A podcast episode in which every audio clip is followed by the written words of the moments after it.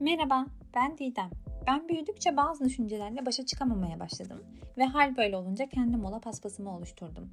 Mola paspasında hakkında düşündüğüm şeyleri bir de sizinle sesli düşünmek istedim. Eğer siz de paspaslarınızı alırsanız başlayalım.